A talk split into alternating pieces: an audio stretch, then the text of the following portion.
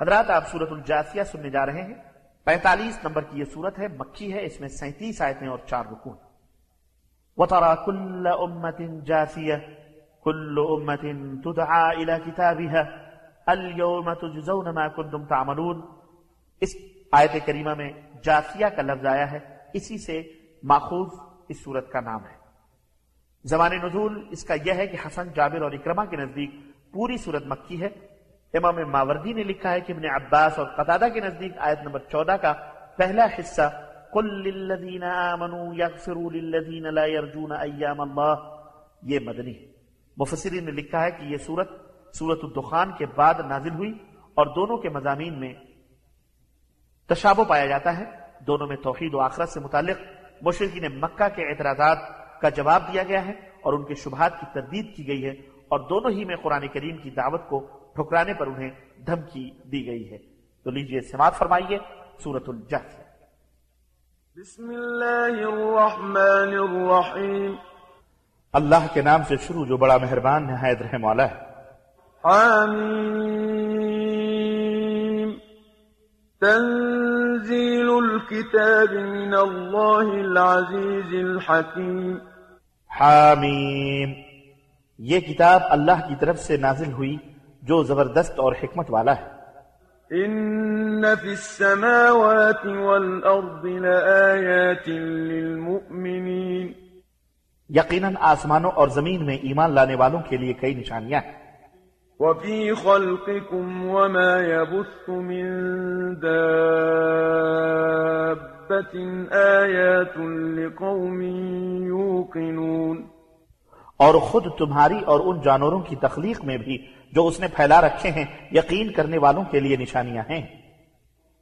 واختلاف الليل والنهار وما أنزل الله من السماء من رزق فأحيا به الأرض بعد موتها فأحيا به الأرض بعد موتها وتصريف الرياح آيات لقوم يعقلون.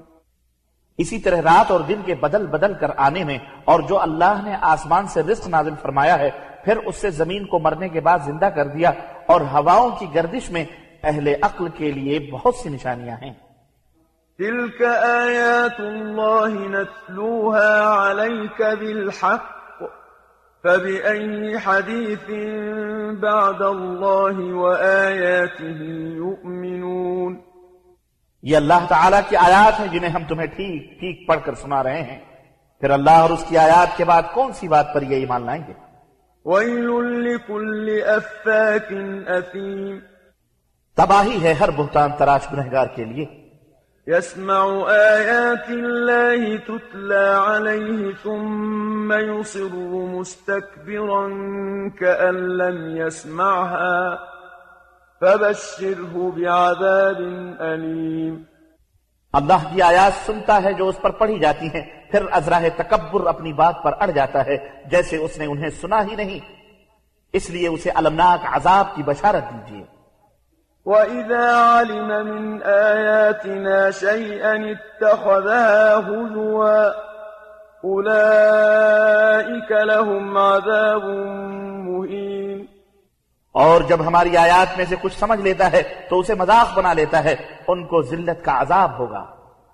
من ورائهم جهنم ولا يغني عنهم ما كسبوا شيئا ولا ما اتخذوا من دون الله أولياء ولهم عذاب عظيم. پھر اس کے بعد ان کے لیے جہنم ہے اور جو انہوں نے دنیا میں کمایا نہ وہ ان کے کچھ کام آئے گا اور نہ ہی وہ لوگ کام آئیں گے جنہیں انہوں نے اللہ کے سوا کارساز بنایا اور انہیں شدید عذاب ہوگا۔ هذا هدى والذين كفروا بآيات ربهم لهم عذاب من رجز أليم. یہ ہدایت ہے اور جو اپنے رب کی آیات کے منکر ہیں ان کے لیے بلا کا المناک عذاب ہے۔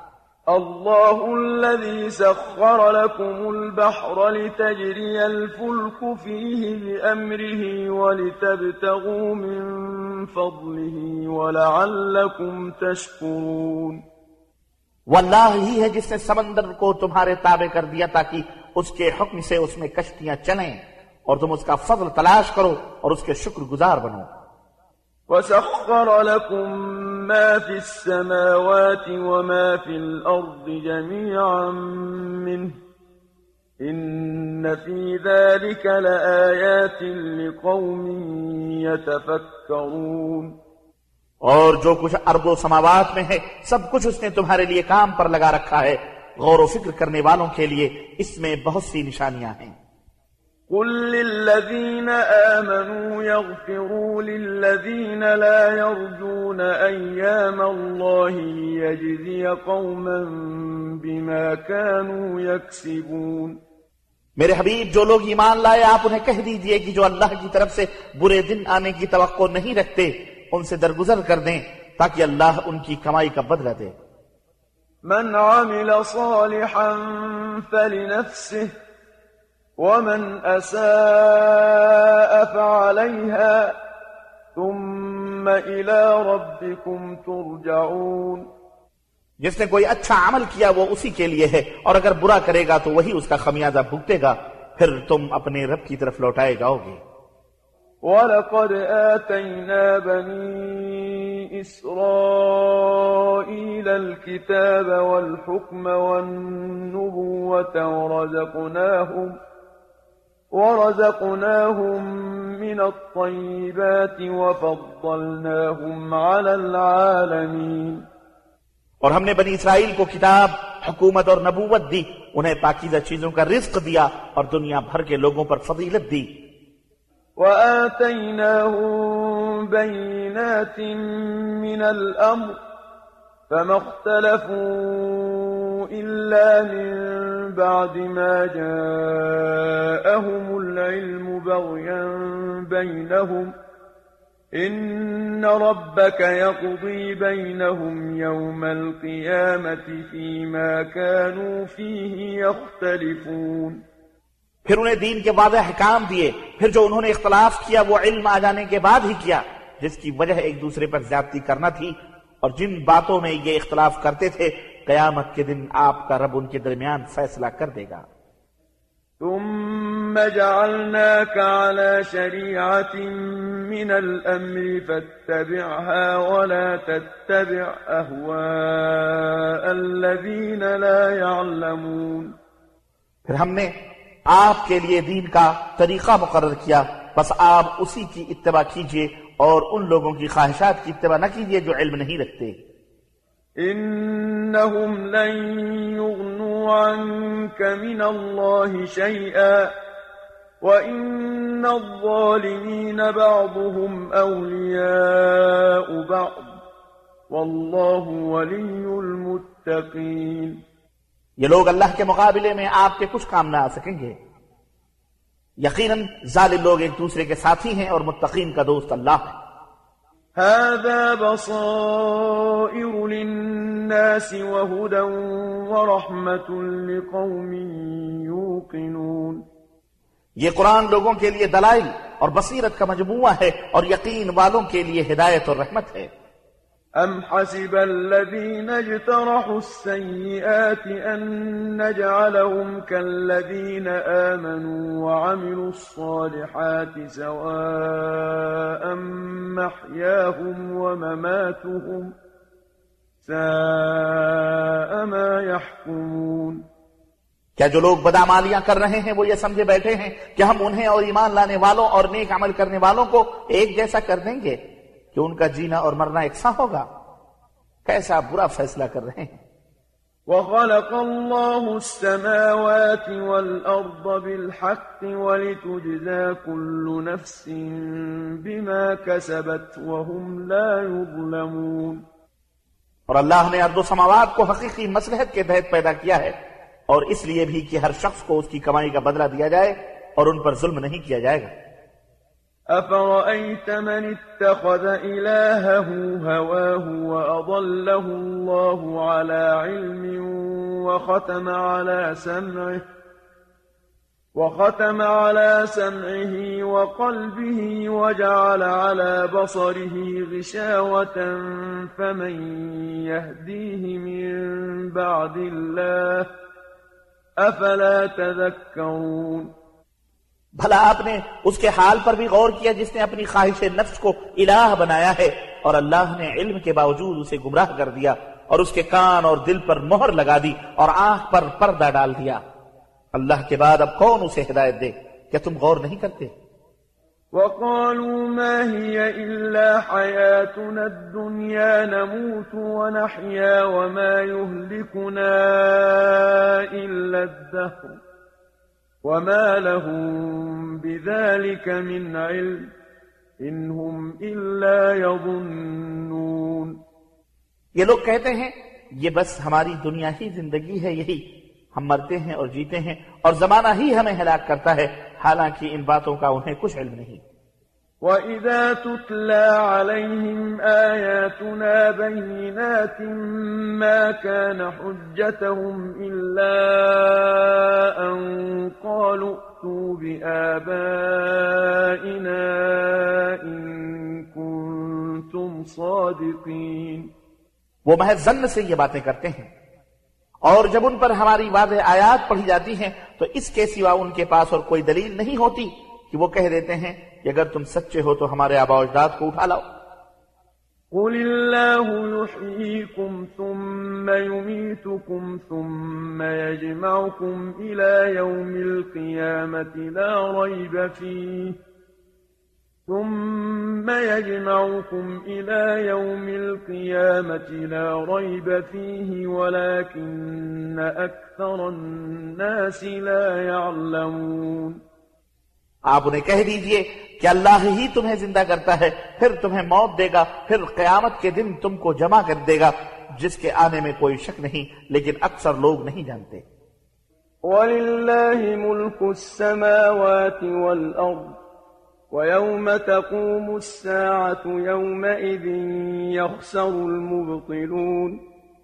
اور ارض و سماوات کی بادشاہی اللہ ہی کی ہے اور جس دن قیامت قائم ہوگی اس دن باطل پرست خسارے میں پڑ جائیں گے۔ وترى كل أمة جاثية، كل أمة تدعى إلى كتابها، اليوم تجزون ما كنتم تعملون۔ اور آپ ہر گروہ کو گھٹنوں کے بل پڑا ہوا دیکھیں گے، ہر گروہ کو اس کے عمال نامے کی طرف بلایا جائے گا۔ آج تمہیں ان اعمال کا بدلہ دیا جائے گا جو تم کرتے رہے۔ هذا كتابنا ينطق عليكم بالحق. إنا كنا نستنسخ ما كنتم تعملون. یہ ہے ہمارا لکھوایا ہوا وہ عمال نامہ جو تمہارے متعلق ٹھیک بیان دے گا جو کچھ تم عمل کیا کرتے تھے یقیناً ہم لکھوائے جاتے تھے۔ فَأَمَّا الَّذِينَ آمَنُوا وَعَمِلُوا الصَّالِحَاتِ فَيُدْخِلُهُمْ رَبُّهُمْ فِي رَحْمَتِهِ ذَلِكَ هُوَ الْفَوْزُ الْمُبِينَ رہے وہ لوگ جو ایمان لائے اور نیک عمل کیے تو اللہ انہیں اپنی رحمت میں داخل کرے گا۔ یہی واضح کامیابی۔ وأما الذين كفروا أفلم تكن آياتي تتلى عليكم فاستكبرتم وكنتم قوما مجرمين۔ اور رہے وہ لوگ جنہوں نے کفر کیا تو انہیں کہا جائے گا، کیا تمہیں میری آیات پڑھ کر نہیں سنائی جاتی تھی؟ مگر تم اکڑ گئے اور تم تھے ہی مجرم لوگ۔ وَإِذَا قِيلَ إِنَّ وَعْدَ اللَّهِ حَقٌّ وَالسَّاعَةُ لَا رَيْبَ فِيهَا قُلْتُم مَّا نَدْرِي مَا السَّاعَةُ قُلْتُم مَّا نَدْرِي مَا السَّاعَةُ إِن نَّظُنُّ إِلَّا ظَنًّا وَمَا نَحْنُ بِمُسْتَيْقِنِينَ اور جب تمہیں کہا جاتا کہ اللہ تعالیٰ کا وعدہ سچا ہے اور قیامت کے آنے میں کوئی شک نہیں تو تم کہہ دیتے تھے ہم نہیں جانتے کہ قیامت کیا چیز ہے۔ ہم تو اسے ایک زنی چیز ہی خیال کرتے ہیں اور زنی چیز پر ہم یقین نہیں کر سکتے۔ وَبَدَا لَهُمْ سَيِّئَاتُ مَا عَمِلُوا وَحَاقَ بِهِمْ مَا كَانُوا بِهِ يَسْتَهْزِئُونَ۔ اس وقت ان پر ان کے عمال کی برائیاں ظاہر ہونے لگیں گی اور جس کا وہ مذاق اڑایا کرتے تھے وہ انہیں آ گھیرے گا۔ وقيل اليوم ننساكم كما نسيتم لقاء يومكم هذا ومأواكم النار وما لكم من ناصرين. اور انہیں کہا جائے گا کہ آج ہم تمہیں ایسے ہی بھلا دیں گے جیسے تم نے اس دن کی ملاقات کو بھلا دیا تھا۔ اور اب تمہارا ٹھکانہ جہنم ہے اور تمہارا کوئی مددگار بھی نہیں۔ ذلكم بأنكم اتخذتم آيات الله هزوا وغرتكم الحياة الدنيا فاليوم لا يخرجون منها ولا هم يستعتبون یہ اس لیے کہ تم اللہ کی آیات کا مذاق اڑایا کرتے تھے اور دنیا کی زندگی نے تمہیں دھوکے میں ڈال رکھا تھا، لہذا آج نہ انہیں جہنم سے نکالا جائے گا اور نہ ہی کہا جائے گا کہ معذرت کر کے اپنے رب کو راضی کر لو۔ فلله الحمد رب السماوات ورب الأرض رب العالمين۔ پس تمام تعریفیں اللہ ہی کے لیے ہیں جو ارض و سماوات کا اور سارے جہان کا رب ہے۔ وله الكبرياء في السماوات والأرض وهو العزيز الحكيم۔ آسمانوں اور زمین میں کبریائی اسی کی ہے اور وہ زبردست حکمت والا ہے۔